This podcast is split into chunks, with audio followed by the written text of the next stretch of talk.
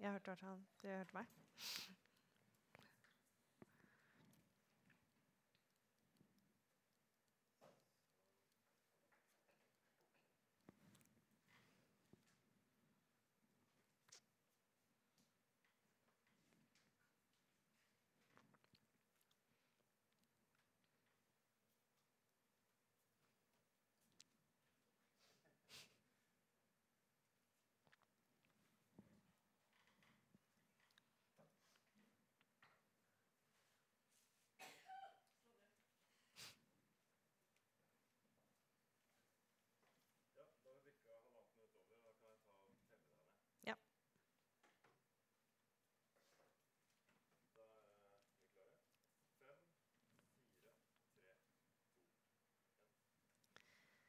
Velkommen hit i, i, dag, alle sammen. Dette er det siste agendamøtet før sommeren.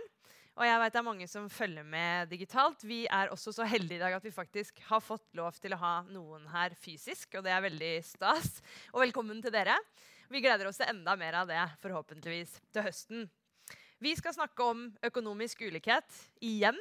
Det blir vi aldri ferdig med. Og vi skal også snakke om Thomas Piketty. Den franske økonomen endra den politiske debatten om ulikhet etter at han i 2013 kom med boka 'Kapitalen i det 21. århundre'. Der viste han hvordan avkastningen på eh, kapital er større enn avkastningen på arbeid over tid, og hvordan de rikeste i samfunnet akkumulerer en stadig større andel av de totale ressursene. Og Piketty han analyserer i den første boka si i hovedsak endringer i toppinntektsandeler og formuesulikhet men i kjølvannet av boka hans har vi fått et mye bredere perspektiv og innsikt i diskusjonen om ulikhet. I 2019 så kom Piketty med en ny bok, 'Kapital og ideologi'. Her tar han for seg ulikhetens politiske og ideologiske historie og diskuterer hvordan ideologier rettferdiggjør økonomiske, sosiale og politiske uenigheter under forskjellige forhold. Piketty er hyllet internasjonalt for sine bidrag til en grundigere og mer systematisk forståelse av utviklingen av og årsakene til økonomisk ulikhet. Men er analysene hans alltid like presise? Og ikke minst, passer de alltid for et land som vårt, Norge? Det skal vi se nærmere på i dag. For I det siste nummeret av tidsskriftet Agora så drøfter den kjente norske økonomiprofessoren Kalle Mone Pikettys siste bok. Han spør bl.a. om det virkelig er slik Piketty hevder, at ideologien og politikken bestemmer utviklingen av såkalte ulikhetsregimer. Mone spør er det slik. Går utviklingen fra tegnebrettet til realitetene? Eller er det en evolusjon med en gjensidig avhengighet mellom på den ene siden ideologi og politikk, og på den andre siden økonomisk utvikling og ulikhet? I sin artikkel argumenterer Mone for det siste. Påstanden hans er at den gjensidige avhengigheten mellom politikk og økonomi bestemmer ulikhetsregimene. Og han illustrerer det med eksempler fra Skandinavia i perioden 1930 fram til i dag. I dag skal Kalle Mone dykke dypere ned i dette sammen med oss. Vi skal høre hans perspektiv på kapital og ideologi, og vi skal få et kritisk blikk både på Piketty og på Norge. Etterpå skal Kalle Mone og jeg oppsummere litt i en kort samtale. Og de som har spørsmål eh, til Kalle, de kan stille dem i kommentarfeltet, så skal jeg prøve å plukke opp eh, de etterpå. Da gjenstår det bare å ønske deg, Kalle Mone, hjertelig velkommen. Vær så god. Takk skal du ha. Ja, det er full sal her, så dere skjønner. Det er trangt om plassen. Eh, først jeg vil si det at, at eh, for Takk for å komme. Eh, moro å snakke om eh, Piketty og ideologi og den siste boka til Thomas Piketty. Eh, Pikettys bøker er blant de mest kjøpte bøkene i verden. I økonomi, iallfall. Men de minst leste. Så jeg kan ikke liksom forutsette at, uh, at alle har uh, lest uh, de to bøkene som han er spesielt kjent for. men jeg vil si at de er verdt å lese hvis en har litt tid til å gjøre det. jeg syns den siste boka er kanskje enda bedre enn den første.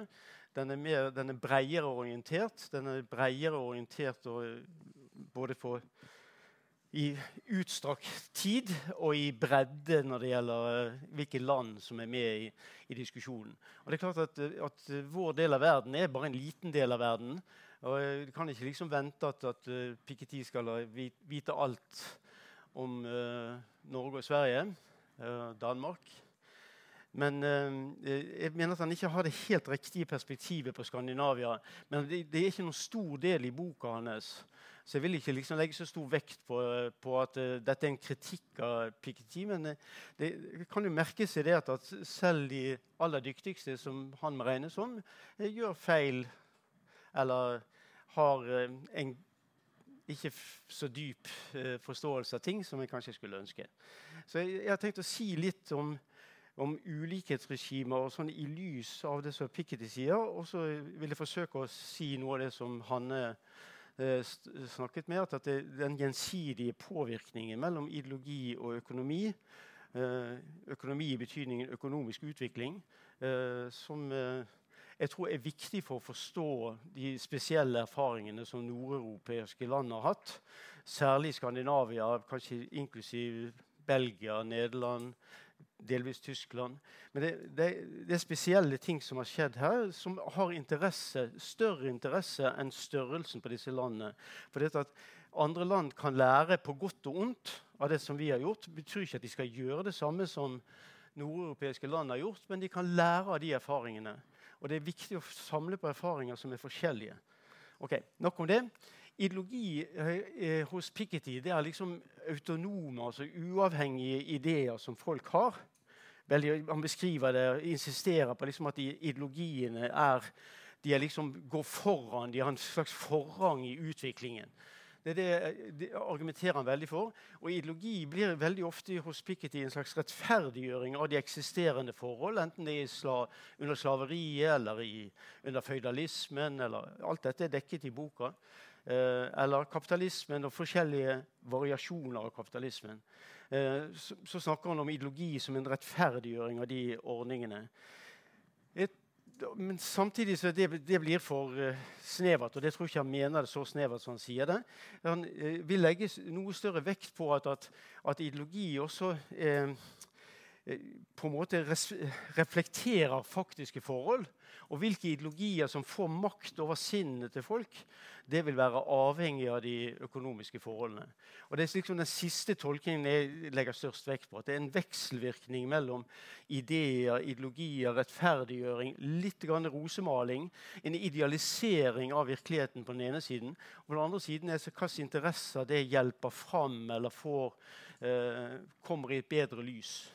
Og, og i, i, Skandinavia har vi noen helt tradisjonelle ideologier som er tradisjonelle under kapitalismen. Eh, men vi har også noen spesielle ideologier som eh, eh, en slags rettferdiggjøring av det vi har, uten å legge vekt på det som faktisk skapte de, men en, en ideologi som går ut på at Skandinavia var spesiell. Skandinavia har alltid vært spesiell, det er noen som hevder det er det veldig veldig lite hold for, mener jeg. Men det er en, en ideologi som er slik at en ønsker ikke å legge vekt på det for eksempel, som skjedde på 1930-tallet, der du fikk en helt omstrukturering i arbeidsmarkedet i, uh, i Skandinavia, særlig i Sverige og, og Norge, men i, nesten i samme grad i Danmark. Eh, og den omdanningene fikk da både med sosialpolitikk og konsentrasjon om å bygge en velferdsstat, uh, koordinere lønnsforhandlingene, uh, få en orden på arbeidslivet. Altså, alle disse tre landene hadde et enormt stort innslag av, av streik og lockout i mellomkrigstiden, altså mellom første og annen verdenskrig. Sverige og Norge hadde verdensrekorden i, i arbeidskonflikter målt ved tapte arbeidsdager. Etter andre verdenskrig setter de samme landene verdensrekord i fravær av konflikter. Bare dette er et helt markant brudd i tidsserien i, i, i utviklingen. Å snakke om disse landene som land som har vært preget av tillit alle, all tid, som har vært preget av uh, en felles forståelse av små forskjeller, en delt oppfatning, det, det, det treffer ikke i det hele tatt. Og det er en veldig spesiell ideologi som Eh, den har forskjellige navn. Eh, noen ganger så kalles det for nordisk eksepsjonalisme. At det er noe spesielt med nordiske folk. som selvfølgelig er bare det rene vås. Eh, andre ganger så er det liksom at vi var litt heldige. at vi, Norge hadde ikke så sterke føydale strukturer som, som mange andre land. og Derfor så fikk vi, hadde vi mer selveiende bønder osv. Og, og, og dette la grunnlaget for det tillitssamfunnet som en fikk etter annen verdenskrig. Det er selvfølgelig noe sant i alle ideologier, også i den. At det er noe som var spesielt her, men det er ikke det som forklarer det det som forklarer den spesielle utviklingen en hadde etter andre verdenskrig i, i de landene. Og det er ikke det som, eh, er, det er ikke det som det er noe det er ikke det som andre land kan lære noe av. Det er ikke de erfaringene andre land, eh, land kan lære noe av. Så eh, Jeg tar dette som en slags eh, oppvarming. Jeg skal komme mer inn på det som er spesielt med skandinaviske eh, ideologier, og det som er generelt ved dem, eh, sånn som jeg ser det. Jeg bare si dette at ideologi, Studier ideologier og sånt, ikke står ikke helt sentralt i, i, økonomi som fag. Men det burde kanskje få en litt sterkere rolle.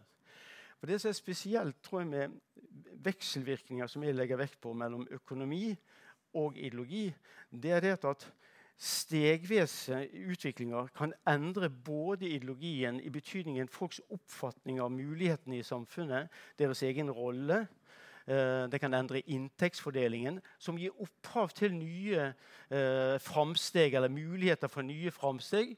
Politisk makt, økonomisk makt til nye framsteg på nye områder. Slik at du kan få en kumulativ utvikling, altså en stegvis utvikling. Eh, som er helt annerledes enn om du skulle liksom på et gitt tidspunkt si at nå skal vi bestemme hvordan fremtiden skal være en gang for alle. For da gjør du det med den ideologi du har nå, med den oppfatningen du har av verden, den delte oppfatningen du har, den rollen du ser på deg sjøl, den, makt, den, makten som institusjoner og sånt har. Og det er klart at det ville være et helt annet resultat enn dette her slags eh, sten på sten-byggverket så derfor er Det som ofte har vært kritisert som sosialdemokratiets svakhet, at det er liksom bare små reformer, det har vært et styrke. Det er det som har gjort det mer revolusjonært enn, en det ellers ville vært. For det endrer både den ideologiske oppfatningen som folk har av mulighetene de har, og den, deres makt, samtidig som du reformere økonomien og kanskje bidra til at, at en får økonomisk vekst, eh, økte inntekter, som igjen muliggjør disse reformene, at en bygger eh, steg for steg. Slik at i endepunktet der, som aldri har vært godt definert i sosialdemokratisk ideologi det var jo eh, Veien blir til mens du går. Og det, endemålet er liksom noe som du kanskje kan snakke om, men ikke det du skal nå. Det, det er mer en prosess enn en, en beskrivelse av et, eh, av et, endemål i seg sjøl.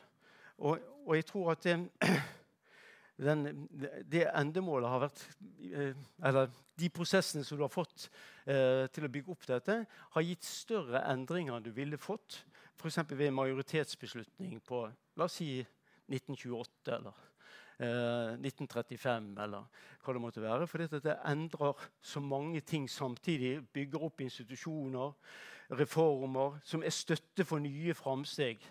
Bare tenk på det sosialforsikring, hva det betyr for muligheten til å føre eh, interessekamp for, for, grupper. At en har noe å falle tilbake på i tilfelle en skulle eh, ikke lykkes helt, eller det skulle gå helt ille at arbeidsplassen ble nedlagt. Som bare som et lite eksempel det å ha det riset bak speilet hele tiden, at den, både den sikkerheten som f.eks. en velferdsstat gir, og det riset bak speilet som en, en organisering i tråd med egne interesser f.eks. i fagbevegelse, og sånt, det er noe ting som bygger opp kumulativt økende makt. Uh, så Min første påstand er at, at det som har vært kritisert fra oss som har lyst til å tenke på oss sjøl som venstreradikale. Kritikken av sosialdemokratiet har ofte vært litt forfeilet. For vi legger for liten vekt på at kumulativt så har det kanskje ledet til større endringer enn noen kunne forutse. Her er en test en kan gjøre på om jeg har rett. Ta Det kommunistiske manifest. Så Les de forslagene som Det kommunistiske manifestet har. Altså Det er skrevet i 1848. Eh, så, så, ser du de forslagene det, det er helt utopiske ting som eh, Karl Marx og Friedrich Engels beskrev. Nesten alt er innfridd. Det er, eh, kan jeg tenke litt, litt igjennom. For det, det, De tenkte om helt utopiske ting. Det var uh, visjoner for framtidssamfunnet. Men det er kommet steg for steg for steg, og det er styrken. Men det er også svakheten. For det er klart at disse tingene kan gå i revers. At hvis det er en deregulering her, kan legge grunnlag for nye dereguleringer. Hvert, hvert lille steg i utviklingen kan være føles nødvendig eller viktig eller effektivitetsskapende. Men, men, det endelige resultatet, akkurat som den oppbyggingen av systemet, det endelige resultatet kan være noe som ingen egentlig ønsker, selv om hvert lille steg i prosessen er ønsket. Akkurat som du ikke kunne tenke deg hvordan du skulle bygge opp samfunnet i 1935.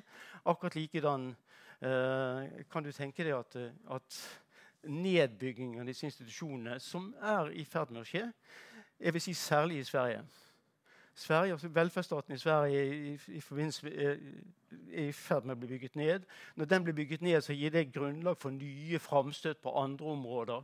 Du svekker fagbevegelsens makt. Du har også strukturendringer i økonomien, at det er større vekt på tjenesteproduksjon, som uh, uh, har mindre tradisjon for uh, eh, fagorganisering osv. Så, videre. så det er mange andre ting som kan virke inn her. Men, men akkurat som oppbygging så kan nedbygging være samme gradvise, kanskje umerkelige steg-for-steg-reform som gir et endelig resultat som kanskje ikke majoriteten ønsker. Men det er på en måte sosialdemokratiets styrke. og Nå tenker jeg ikke sosialdemokratiet som et politisk parti, men som en måte å tenke samfunnet på. Og hvordan, Hvilken måte er dette? Altså, Sosialdemokratiet hadde ingen egen ideologi opprinnelig. Sånn på, på 1800-tallet var sosialdemokratiet det var, liksom, det var arbeiderbevegelsens ideologi, men det var mye mer en ideologi for sosialisme, for en, for en, om, for en endring. Mange trodde at det var en ideologi for revolusjon, men mange, mange av forkjemperne for den sosialistiske ideologi på 1800-tallet de var jo for stemmerett for alle. Og stemmerett for alle ville diktere politikken for hele samfunnet. For den store majoriteten eh, var jo lønnsarbeidere. Så Derfor ville lønn, arbeidernes innflytelse i politikken eller arbeiderklassens innflytelse i politikken ville komme gjennom allmenn stemmerett. Både Engels og, og, Marx var helt eksplisitt at, at England hadde en så utviklet arbeiderklasse at dette ville skje helt fredelig. Ikke, det var ikke noe problem i det hele tatt at denne bare en fikk allmenn stemmerett. Men de trodde at ville, noen ville motsette seg disse tingene, for det ville jo gå på bekostning av de som eide. Så Ideologien den gangen var jo at stemmerett skulle være basert på hva du eide. For du kunne ikke gi stemmerett til hvem som helst. For Hvis du ga det, så ville jo de ta fra de rike og gi til de fattige. Og Det har faktisk ikke skjedd nesten noe sted at stemmerett innfører, har fått den, den konsekvensen. Det, det, er på en måte ikke legitimt å liksom bare skattlegge og så gi direkte til andre. Så, eh, mange sosialistiske bevegelser hadde det som ideologi eh, for 100 år siden. Men, eh, men, de har endret det mye mer. At, ideologien er å skaffe til veie eh, kollektive goder som ikke du så lett får i en markedsøkonomi. Det er legitimt. Å ordne noen ting som, som ikke så lett lar seg ordne gjennom markeder gjennom privat organisering. Og, og det, Den type oppslutning om, om, den type ordninger er veldig forskjellig fra oppslutning fra oss å ta fra de rike og gi til de fattige. Det er klart at Denne eh, oppbyggingen av velferdsstaten som særlig skjedde etter annen verdenskrig i de landene vi snakker om, den er på vilkår som er, er bedre for de fattige enn for de rike. Altså Det er sosial forsikring som, der kontrakten er bedre for de fattige enn for de rike. I den forstand er det omfordeling. Det er også omfordeling mellom de som er heldige, og de som er uheldige. Men det er ikke systematisk at du liksom omfordeler inntekt. Men du har fått det på en helt annen måte gjennom å bygge ut noen ting, et tilbud som er bredere enn en det som det var. Så mange av de som har liksom snakket om må vi liksom reformere, vi har ikke råd til å ha disse velferdsstatsordningene, de vil veldig ofte ha målrettede ordninger som har vist seg veldig lite lev, levedyktige. Har ordninger som er spesielle for de fattige. Ja, det er veldig vanskelig å opprettholde det ved, ved majoritetsbeslutninger gjennom politisk konkurranse i parlamentet. Hva var så ideologien til sosialdemokratiet? Ja, det var en ideologi som vokste fram, ikke som en ledetråd for hva de skulle gjøre. Det de gjorde, det var prøving og feiling. Og så lærte en, lot en overleve det som det som virket. Men det var også eh, Arbeiderpartiet hadde f.eks. målrettede programmer for velferdsstaten. De omla politikken, for det var den sosialistiske ideologien. De omla politikken de så at de vant mye større oppslutning ved universelle velferdsgoder. Så Det er et eksempel på den prøvingen og feilingen som har vært i oppbyggingen av, av, eh, eh, samfunnet her. Hva var ideologien? Jo, ideologien var etter hvert at en lærte at, at, kombinasjonen av sosialistiske verdier og kapitalistisk dynamikk det var virkelig noe som gjensidig påvirket hverandre på en positiv måte. Var, folk hadde trodd at sosialistiske verdier i en kapitalistisk økonomi det var helt umulig. Var, altså, Rosa Luxemburg var veldig eksplisitt at dette, dette går aldri.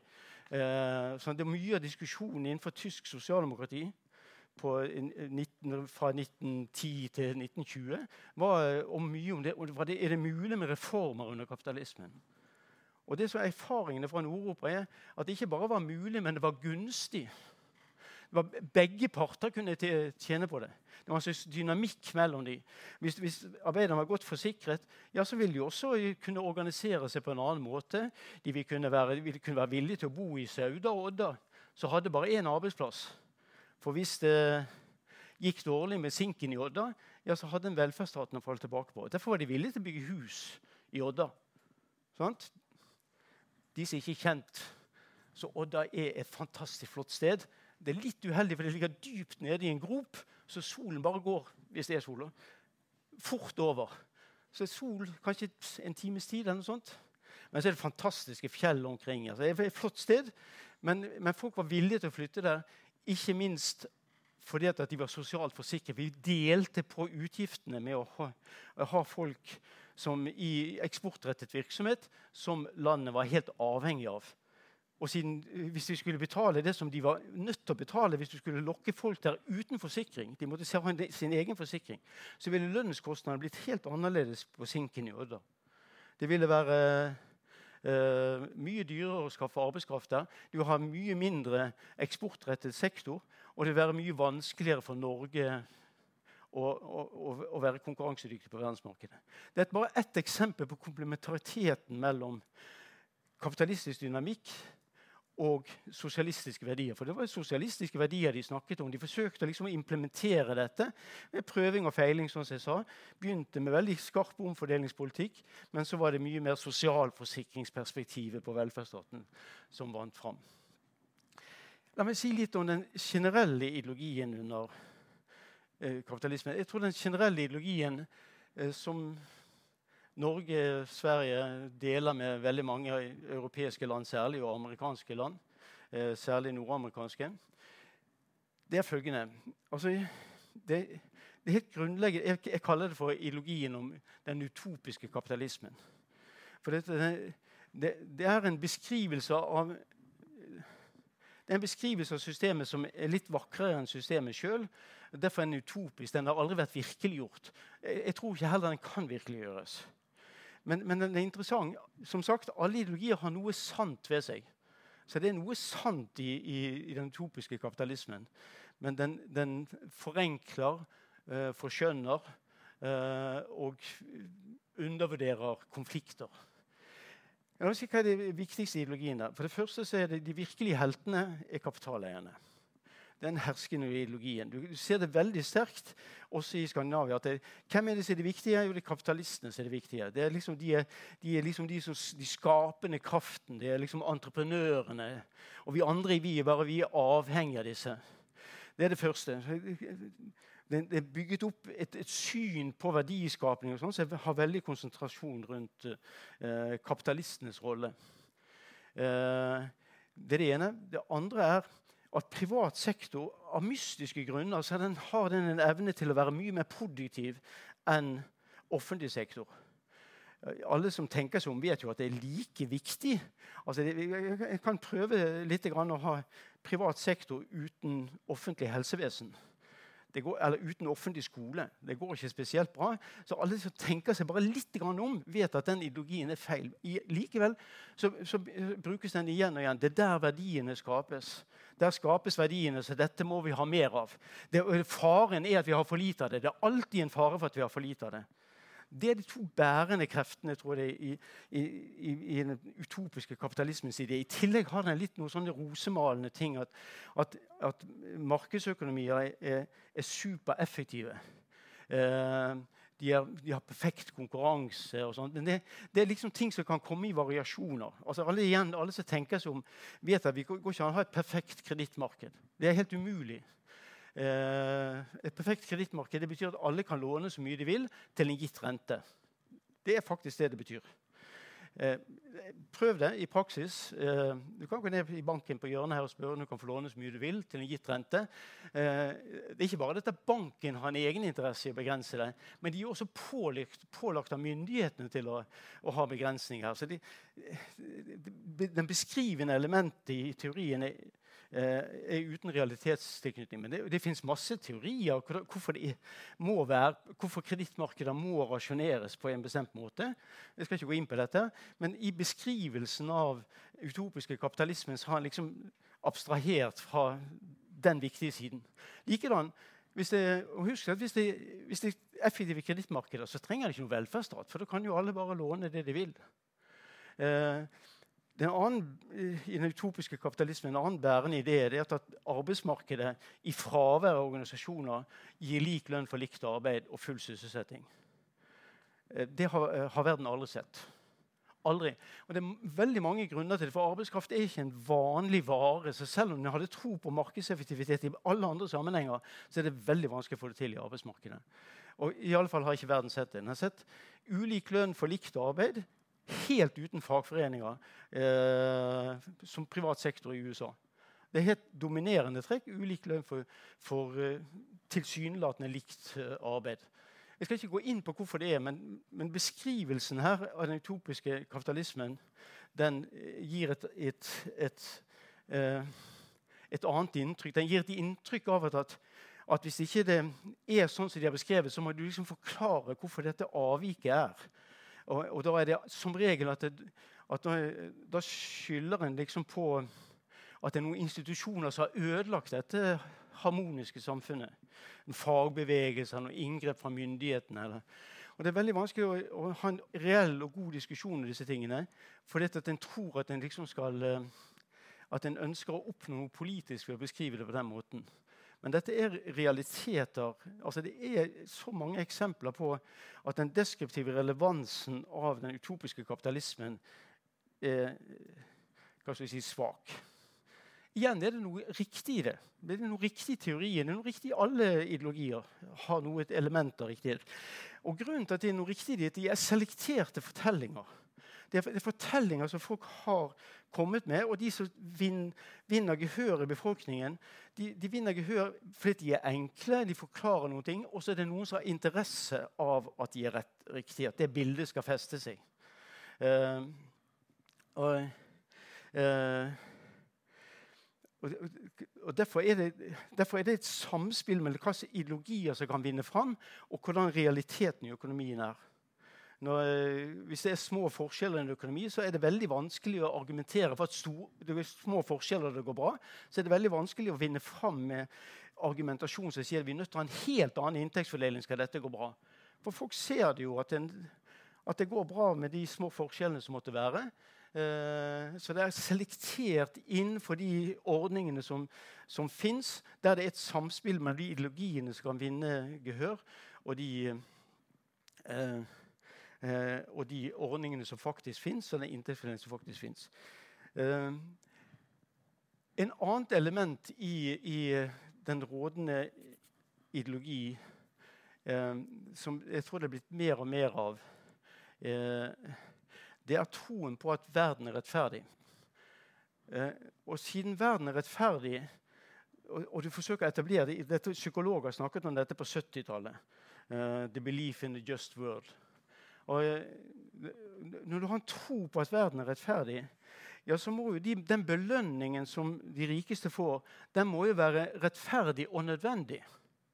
For, for, for, vi lever jo i en rettferdig verden. så Hvis du klarer å etablere dette at verden er rettferdig, ja, så kan du også etablere det, det, at du forsvarer interessene til de som blir superrike eh, på at verden er som den er. Eh, men siden den er rettferdig, så er jo dette rettferdig. Eh, samtidig som du får en veldig At du beskylder ofrene i nedre del av inntektsfordelingen. Eh, at de er jo skyld i sin egen, eh, sin egen dårlige stilling, for verden er rettferdig. For Hvis du hadde bare gjort sånn og sånn, så er det en rettferdigere verden. Er det du kan se det igjen og igjen. Altså, jeg så akkurat et fjernsynsprogram for ikke så lenge siden. Så var en av de rikeste mennene i Norge eh, med stor gjeld. Eh, så, kommer en, en, ung jente bort og sier kan jeg få en million av deg. Eh, og så sier han det. Eh, nei, det kan du ikke få, for den, du må gjøre det fortjent til en million. Altså, han hadde en oppfatning da han, han. Han hadde en oppfatning at hans millioner det, det, hadde han, det hadde han virkelig gjort seg fortjent til. Jeg, jeg, jeg, tror ikke det er ond tro, men det er sånn, du, du sjekker ikke en historie som uh, du selv tjener på. Og det, det, jeg tror det er sånn Vi, vi er sløve, vi er sløve i, i, i, den forstand. Hva ble så eksperimentene i, i det skandinaviske utviklingen? Jeg har sagt lite om det, for jeg har snakket så mye om det på andre ganger. Altså, jeg tror Det viktige for å forstå den komplementariteten mellom kapitalistisk ideologi eh, unnskyld, kapitalistisk dynamikk og sosialistiske ideer, det var at dette var eksperimenteringen frem og tilbake. Så Derfor er det en veldig sjenerøs velferdsstat bør ses på som en innovasjon. Sant? En innovasjon som viste seg konkurransedyktig eh, i eh, som viste seg konkurransedyktige i små, åpne økonomier som de skandinaviske. Den gjorde landene mer eh, eksportorientert, som landene trengte. ved det små, åpne økonomier. De må selge 50% av det de produserer på verdensmarkedet. Eh, eh, så velferdsstaten se på dette. Kanskje aller viktigst måten som eh, lønnsdannelse skjedde på i, i, Skandinavia. Et gedigent eksperiment eh, som har vært veldig fruktbart, og som andre kan lære. Det har to helt bærende krefter. Det ene er at det en ganske mye sentralisering, som vi alle vet fra lønnsfastsettelsen. Men det som folk glemmer, er at det er en likedan en desentralisering på den enkelte arbeidsplass. For du har tatt liksom lønnsdannelsen ut fra markedet og flyttet det inn i et slags kollektivt rom av, av mer eller mindre demokratiske beslutninger. Der interesseorganisasjoner møtes, arbeidsgivere og fagforeninger. Eh, men siden du har flyttet hoveddelen av lønnsfastsettelsen over i den type beslutninger For det første så har du fått en sammenpressing av lønnsforskjellene som verden aldri hadde sett før. I utvikling fra 1950 til ja, 1975, 75-80 Eh, både i Sverige og Norge, det var en gedigen sammenpressing. Så jeg, jeg hadde aldri sett, Folk tenkte ikke det var mulig å ha eh, reduserende forskjeller både mellom samme arbeidskraft i forskjellige bedrifter, eh, samme type arbeidskraft i forskjellige bransjer, mellom bransjer og for nasjonen som helhet. Også mellom yrker. Sammenpresset mellom yrker. Noen ganger har jeg snakket om at, at Skandinavia var unik i at den ikke hadde lik lønn for likt arbeid, men lik, lik lønn for alle. Dette var litt slagord som var i, i Sverige på, på eh, 80-tallet. Der en, en, syns kanskje den gikk litt langt i, i egalitær retning. Som kanskje de fleste vet, så desentraliserte Sverige litt arbeidsmarkedet i 1983. Eh, men resentraliserte igjen etterpå. Med samme de desentraliserte, så økte forskjellene enormt i, i, arbeidsmarkedet. Og det var grunnlaget for at de resentraliserte. Ikke på samme formelle måten som tidligere, men i praksis gjorde de det. Eh, så, eh, men dette motsvares av at det er veldig høy grad av autonomi på den enkelte arbeidsplass. Og Det ser du veldig lett når for norske bedrifter etablerer seg i Tyskland. Så skjønner ikke tyske arbeidere ja, men Går du ut med sjefen? Prater du sånn med sjefen? Men grunnen er at det, jeg kan tillate mer makt på gulvet i, bedrifter fordi at en har en annen kontroll med lønnsfastsettelen. En vil ikke bruke disse tingene til å, å, skaffe seg lønnsmessige fordeler, for hovedstrukturen i lønnsfordelingen er bestemt et annet sted. Og Det betyr at en gir mer makt til å operere eller til å organisere arbeidet eh, på en bestemt måte. Du ser det i bygg og anlegg når vi får nye, flotte arbeidere som kommer til Norge. Ofte blir de kalt for pekere. Hvorfor det? Jo, fordi at de som organiserer arbeidet, de må peke på det de skal gjøre. Du må gjøre det, du må gjøre det. For det er eller har vært tradisjonen i mange andre land. Polen, f.eks. At det, hvis det ikke er noen som har pekt ut det du skal gjøre, ja, så slapper du av. Hvis du ser det som norske arbeidere har hatt lenge, det er jo at de har en autonomi, en selvorganisering på arbeidsplassen, som er veldig spesiell. Du har redusert hierarkiene på den enkelte arbeidsplass. Er mindre sjefer på mellomnivå. I hvert fall har det vært det lenge. Det kan være at noe av dette er på vei bort. Uh, for dette passer ikke helt med den rådende ideologi der liksom de virkelige heltene er på toppen av organisasjonen. Sånn. Men, men ja, dette var lenge så i, i, sektorer med sterke lokale fagforeninger så var dette typisk. Faren min jobbet på BMW på, i Bergen. Eh, både i begynnelsen av livet sitt og helt på slutten. Eh, på slutten var han vakt som gikk rundt. Og så, så, jeg, så jeg har sett eh, BMW på Laksevåg. Det er liksom det som ligger utenfor broen i Bergen. Så der kan de ha store skip, så de må ikke gå under Puddefjordsbroen for å komme inn. Solheimsviken ble nedlagt fordi de lå på gal side av broen. Blant annet. Men jeg skal si det, når det var mye å gjøre der ja, så for eksempel, Hurtigruten kom inn, ja, så måtte de fikse den. Og de måtte jobbe hele natten. Det var det helt aksept for. Men samtidig kunne det være perioder etter reparasjonsverksted der kanskje ikke var noen båter som skulle repareres. Uh, hva gjorde de da? Hadde de sine egne fritidsbåter opp på slippen om verftet. Så det var helt ok på verftet. Det, er en form for innflytelse nedenifra som ikke er liksom en gave, men det er en, en, en konsekvens av måten en har organisert seg på. Flyttet lønningene ut fra bedriftene, lønnsfastsettene ut fra bedriftene gitt makt til fagforeningene som kan spille rolle som en slags arbeidsformer. For det kan, Hvis dette skler ut, så vil den lokale klubben vil ha all slags interesse av å, eh, ja, av å få det på fot igjen. Nå skal jeg runde litt av med å si noen ting. Hva er faren for disse tingene nå? Jeg har sagt en kumulativ deregulering av disse tingene kan være eh, farlig. Det, det er ikke det at enhver endring er dum. Det er ikke det jeg mener. Jeg mener at En skal tenke seg nøye gjennom En skal tenke gjennom disse kumulative prosessene som det kan gi opphav til. Eh, og ikke tenke helt kortsiktig steg for steg. Den andre, eh, den andre tingen er at en har fått en, en økende Altså det at Ledelsen og administrasjonen er de virkelige heltene. En, en fare for ethvert system. Altså det at En ikke har sin basis i eh, en egalitær arbeidsorganisering der de som virkelig gjør jobben, har også en innflytelse på det. At en går bort fra det som har vært høy grad av autonomi på den enkelte arbeidsplass, som er kombinert med koordinerte lønnsforhandlinger. Det siste vil si at, at, at det, er en, det er en tendens til å at at en omformer alle ideologier. F.eks. ideologien om bærekraftig utvikling.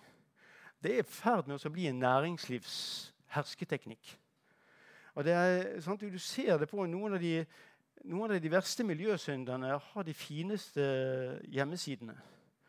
Uh, de har de, det, er liksom, det, er en måte å selge seg på. Altså hvis du, hvis du produserer noe som forurenser eller ødelegger klimaet i jorden. Hvis du produserer det uten sjøl å forurense, så kan du godt levere dette produktet eh, med stor applaus og si at, at dette er en bærekraftig eh, prosess. Grunnen til at jeg nevner dette, er at det brukes det er veldig lett å bruke ideologier i tråd med de, de som de ser seg de virkelige heltene. Og bærekraftsideologien er i ferd med å bli ødelagt eh, i, i, den forstand. Og det er, dette er veldig viktig for ethvert samfunn som har både ønske om å bevare miljøet og, og, bevare små forskjeller. At en ikke får en pervertering av uh, disse tingene. Likedan med tillit. Folk sier at vi har tillitsbasert samfunn. Ja, vi har det så lenge vi har organisasjoner som et ris bak speilet, så det er grunn til å stole på den tilliten. Dette er ikke forutsetninger for Norge og Sverige.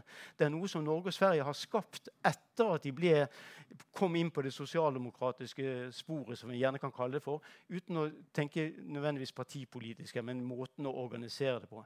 Det er ikke sånn at, at disse tingene er forutsetninger. De er resultater av en måte å gjøre det på.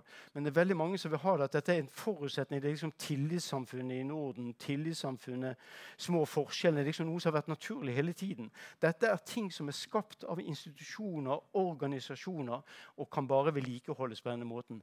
Ideologier i den sammenheng spiller en veldig viktig rolle til at en forstår at dette har, at det er en komplementaritet. en en, en, positiv effekt av å kombinere sosialistiske ideer med kapitalistisk markedsorganisering uten nødvendigvis å utfordre eierskapet, som var den opprinnelige ideen.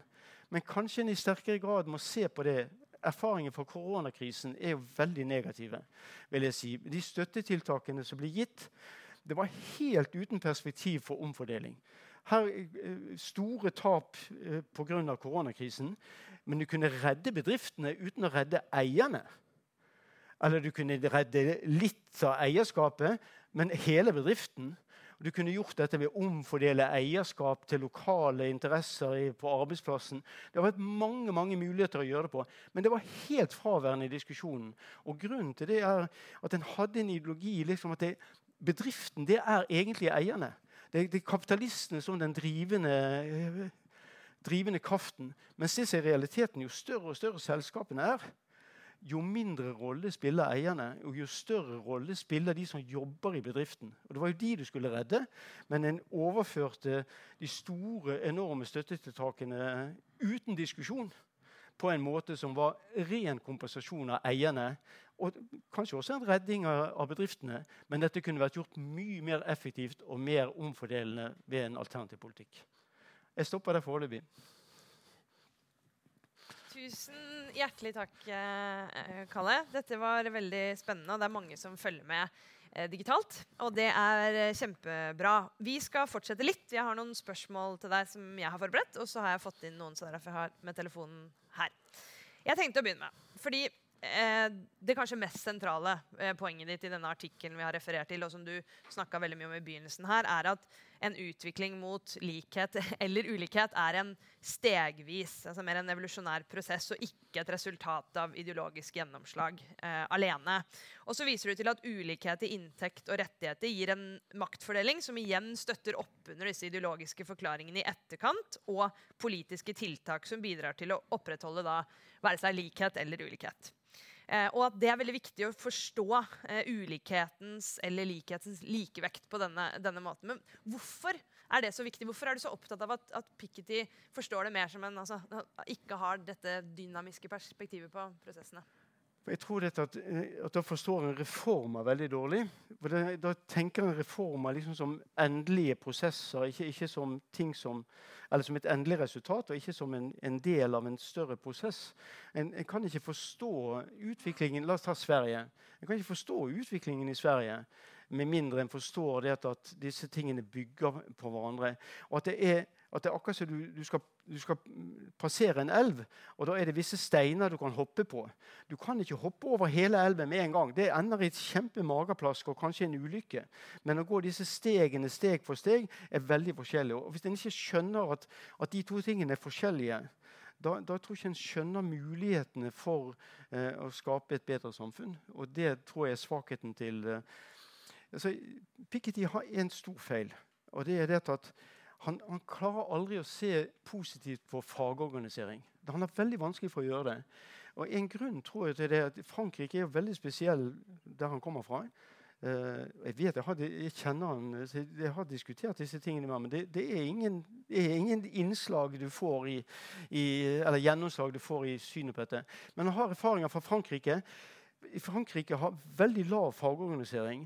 De, men de fag, organisasjoner som fins, de beslutter lønna til en stor gruppe i samfunnet. Men det er klart at det er noe udemokratisk med det. Uh, Piketty også hater også kommunister, og noen av fagforeningene i, uh, i, uh, i Frankrike har hatt en kommunistisk tilknytning, eller ideologi, kanskje.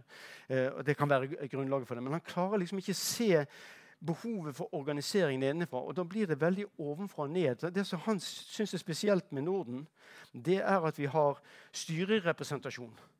Som er jo bare en liten del av, den, av det maktgrunnlaget som vanlige folk har f.eks. i industribedrifter i Norge. Styrerepresentasjon er fint i kombinasjon med at, du har en klubb, du har eh, organisering på, på grunnplanet. Men, men, det er ikke hele saken. Men han ser det veldig ofte litt ovenifra. Mm. Mm. Fordi det, det, skriver du også om i artikkelen, og, og nevner det igjen nå, da, at en viktig del av det han mener var en sosialdemokratisk styrt politikk ovenfra og ned, ja. også ga opphav til en ganske vesentlig liksom, eh, maktfordeling og desentralisering gjennom fagbevegelsen. Så sier du egentlig at det er ikke så kjent. Jeg vet ikke om du mener at om det bare er hos Piketty det ikke er så kjent, eller om det sånn generelt ikke er så kjent. Hvorfor, hvorfor ikke det, tror du? En viktig grunn er at ordet fagforening, eller unions på nynorsk, eh, at det er et felles navn på veldig forskjellige organisasjoner i ulike land. Og derfor så, Når en sier f.eks. fagorganisering og så, videre, så tenker en på sitt eget land. Og det gjør vi kanskje vi også. Fagforeninger i USA på 70- og 80-tallet det var veldig forskjellig fra fagforeninger i Norge på samme tid. Men fagforeninger i USA 19, i 1910-1920 var veldig lik fagforeninger i Norge i hele etterkrigstiden. Så, og det, og det, er klart at Hvis en refererer til en type organisasjoner halvkorrupte i USAs tilfelle på 70- og 80-tallet eh, Mafiakontrollerte delvis. Eh, så, så, det er klart at da får en en feil assosiasjon. Så Derfor så bruker en ofte eh, fellesbetegnelser på ting som er veldig ulike. Og Derfor så forstår en ikke de erfaringene eh, en har. I tillegg er det sånn at i den grad økonomi eh, har hatt innflytelse på folk, så, så er økonomi, økonomi har innarbeidet for lite av det som er på en måte den sosiale organisering. I det hele tatt det å tenke samfunnsmodeller ikke i betydning en modell som et forbilde, men en modell som en, en likevekt av institusjoner, en balanse av institusjoner, organisasjoner, politikk, eh, inntektsfordeling.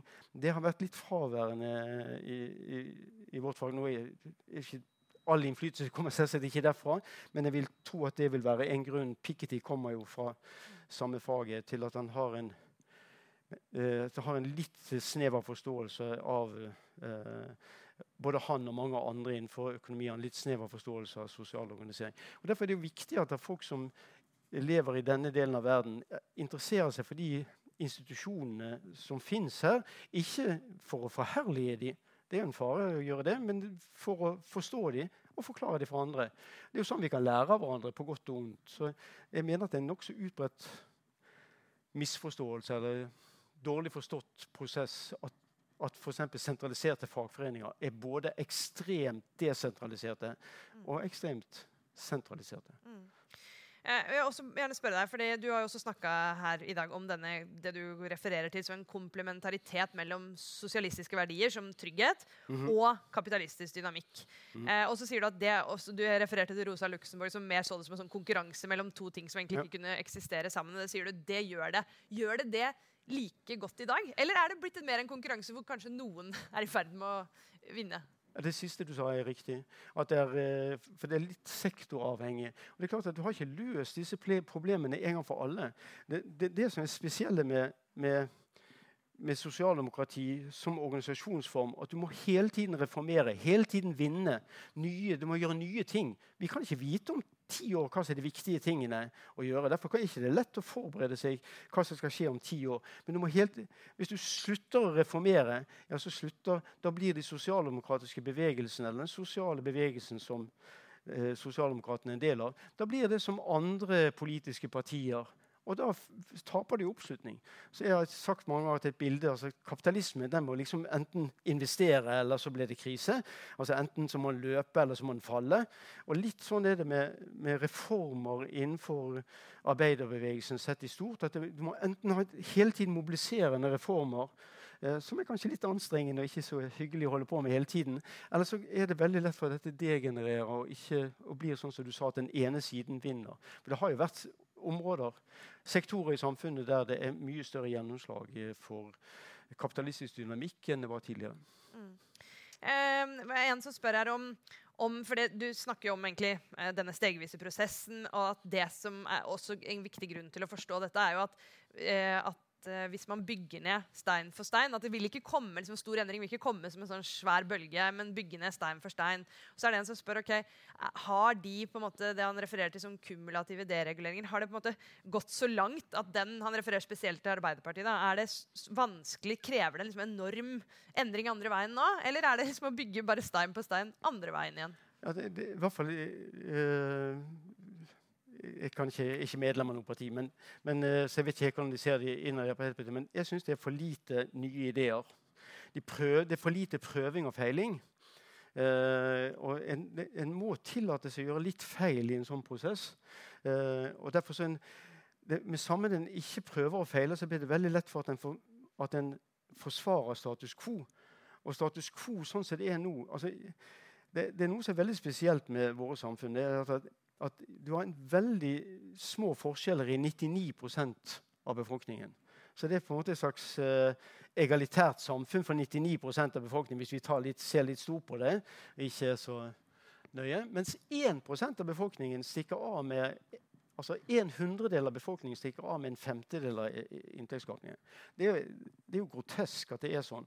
Dette, det tallet blir så høyt som, som 20% hvis du tar med tilbakeholdte overskudd i bedriftene.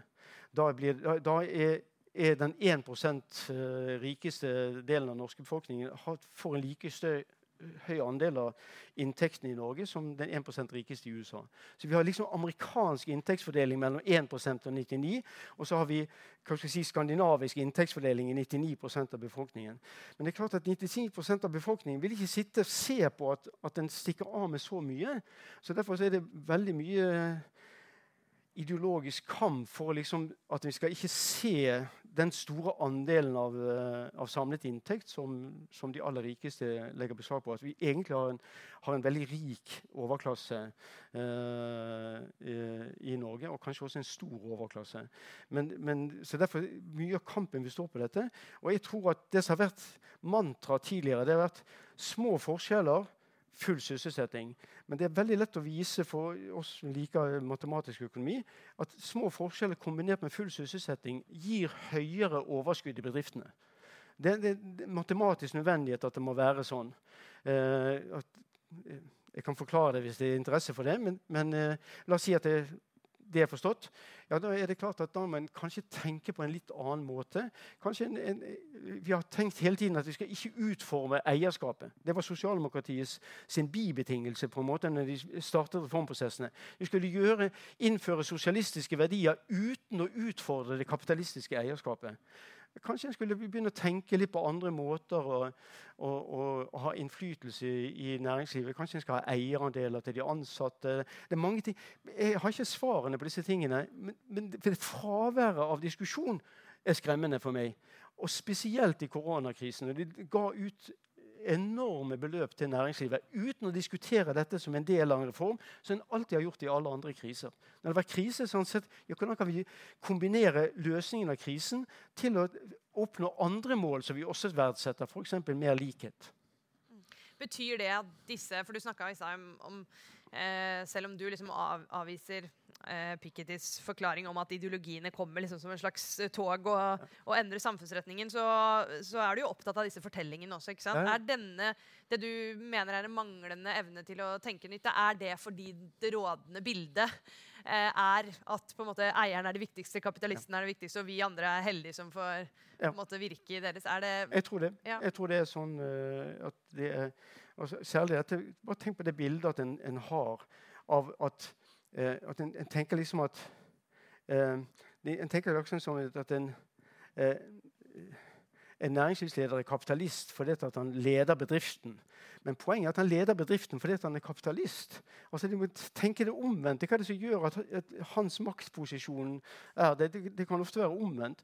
Jeg tenker å si, privat sektor eh, er mer produktiv enn offentlig. Det er et mantra som sier ja, det, La oss si at det var riktig. Jeg tror det ikke er riktig, men la oss si det var riktig. Så er det en naturlig grunn til det. Det er derfor den er privat. For den egner seg for markedsorganisering. og derfor så mens, mens, mange av de andre tingene som er helt nødvendige, ikke egner seg like godt for markedsorganisering. Sosialforsikring har aldri vært organisert eh, i et marked.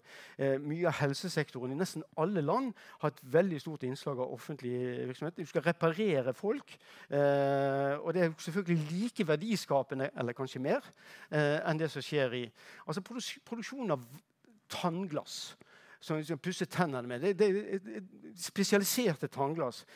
Og kjempeproduktivt. Det, det, er virkelig noe som er, Men liksom å reparere folk som har brukket beinet, det er liksom uproduktivt. Det, det, er ingen som kan tenke sånn på helt på alvor. Men eh, veldig ofte så er implikasjonene av den rådende ideologi er sånn. Og det er særlig høyresiden liksom gjentar og gjentar det at vi må, ha, vi må ikke huske dette at vi, hele grunnlaget for velferdsstaten er den private sektor. Er det det? Det, det, som er grunnlaget for, for, velferdsstaten, det er at, at, Norge er et konkurransedyktig land på verdensmarkedet. Vi må, vi må, produsere nok eksport til å kjøpe de bananene vi skal ha fra utlandet. Eller ting vi ikke så lett kan produsere sjøl. Det er viktig. Det er viktig at det, må, det, er konkurransekraften. Men hvordan vi organiserer det rett, resten av økonomien, det er på en måte spørsmål om ressurser, incitamenter osv. Nå har vi vist erfaringsmessig at markeder er veldig tjenlig for en stor del av den produksjonen så det bør vi absolutt fortsette med. Men det må ikke ha en, en tro på at, at, det er en asymmetri, at det, at det er markedet vi lever av, mens de andre tingene skal bare stå i og, og bukke og neie og være veldig fornøyd med det som de skaffer. Jeg, tror privat sektor er akkurat like avhengig av offentlig sektor som offentlig sektor er av privat. Vi skal snart gå inn for landing. Skal, vi får masse gode spørsmål, så jeg skal bare gjøre et lite hopp for å få med et perspektiv. Og jeg skal svare litt kortere. som, nei, men det er veldig bra, men som vi ikke har vært så mye innom, og det er eh, dette med utdanning. fordi utdanning er jo ofte, etter hvert som eh, det med sosial og økonomisk ulikhet har tatt en større plass i det politiske og offentlige ordskiftet, så har også utdanning blitt på en måte svaret. Og eh, eh Steffen Handal, som har sendt inn spørsmålet, sier at eh, utsagnet om at utdanning kan utjevne sosial ulikhet, omfavnes både av høyre- og venstresiden. Hva han, og han sier jeg mener det er en for enkel slutning. Hva, hva tror du Piketty vil si? Hva, hva mener du om det? Uh, jeg må snakke for mine egne vegne. Piketty får, får komme hit og svare sjøl. Uh, eh, han er hjertelig velkommen. Uh, jeg vil si dette at når du får et økt tilbud av en type arbeidskraft, så er det vanskelig å få en veldig høy lønn for den type arbeidskraften. I den forstand betyr det at økt utdanning kan bidra til å holde belønningen av den type arbeidskraft nede. Den utdanningseksplosjonen som du har hatt fra 1960-tallet og fram til i dag, har hatt en sånn effekt. Men vi har testet Erling Barth og vi har sett på det sammen, at det er en tilleggs, klar tilleggseffekt av fagbevegelsens sammenpressing. Så det er ikke bare utdanningseksplosjonen som har bidratt til at, at, forskjellene mellom eh, lønn til de som har gått lenge på skolen, og de som ikke har gått fullt så lenge, eh, ikke er så stor. Altså, premien på, på, lengre utdanning eh, ikke er spesielt eh, høy. Jeg vil si at, at Utdanning kan ikke løse det grunnleggende alt i alt kan ikke løse det grunnleggende ulikhetsproblemet i noen økonomi. Eh, det må være, må være, viktig å ha en sammenpressing i tillegg til dette, og en omfordeling fra eierinntekter også til eh, det som blir eierinntekter med de rådende institusjoner, til, eh, til vanlige folk. så jeg, jeg, har mye mer sterkere tro på f.eks. En, en, en grunninntekt i samfunnet. At en grunninntekt som vi holder fred med hverandre. Vi har tillit til hverandre. Eh, vi har ikke streiker og konflikter av noe stort omfang. Vi har ikke store tap av den grunn. Vi eh, eh løser mange, vi lærer av hverandre. Alle disse tingene skaper verdier i seg sjøl. Eh, og de verdiene er det all grunn til å dele. En måte å dele det på er å ha en grunninntekt til alle. For er, I dag fordeler vi en god del av for den tillitsbaserte overskuddet som eh, fins i Norge. Det fordeler vi etter hvor lenge du går på skole, eller eh, eh, hvor mye kapital du har investert i. Og det er ikke sånn at de som har gått lenge på skole, og de som har investert mye kapital, har mer eh, ære for at vi holder fred med hverandre og vi har stor tillit til hverandre eh, enn andre. Så det er en, grunn, en grunnleggende inntekt, gjerne kalkulert som en bestemt prosent av, av, inntekt, av in, samlet inntekt i samfunnet. Er ting som jeg burde diskutere mye mer. Altså, her er det det er grunnen til at jeg ikke er så optimistisk på sosialdemokratiets vegne, at det er en slags allergi mot å diskutere nye ting. Det er akkurat en, en vil, Nei, det kan ikke. Og så er det ofte det sånne effektivitetsargumenter som brukes feil. synes jeg. Eh, ja, eh, Vi tar med oss det inn i avslutningen. for jeg synes Det er veldig eh, spennende og interessant å høre deg snakke om denne prøvingen og feilingen hele tiden. At det har påvirket og utviklet eh, både institusjoner og, og, ideer. Og Du har vært innom koronakrisen. Et annet spørsmål som har dukket opp i flere varianter her, er klimakrisa. Ja. Hvordan kan man på en måte finne tilbake til denne tradisjonen da, og prøve å feile også i møte med vi, Hvis vi sier vi har to kjempestore utfordringer, både ulikhet og klima, ser du mm. for deg at vi kan få det til? Eh, nå er det litt ønsketenkning fra min side som det er fra alle andre sider. Men sjansen for å få det til øker med sosial organisering og ved at forskjellene ikke blir for store.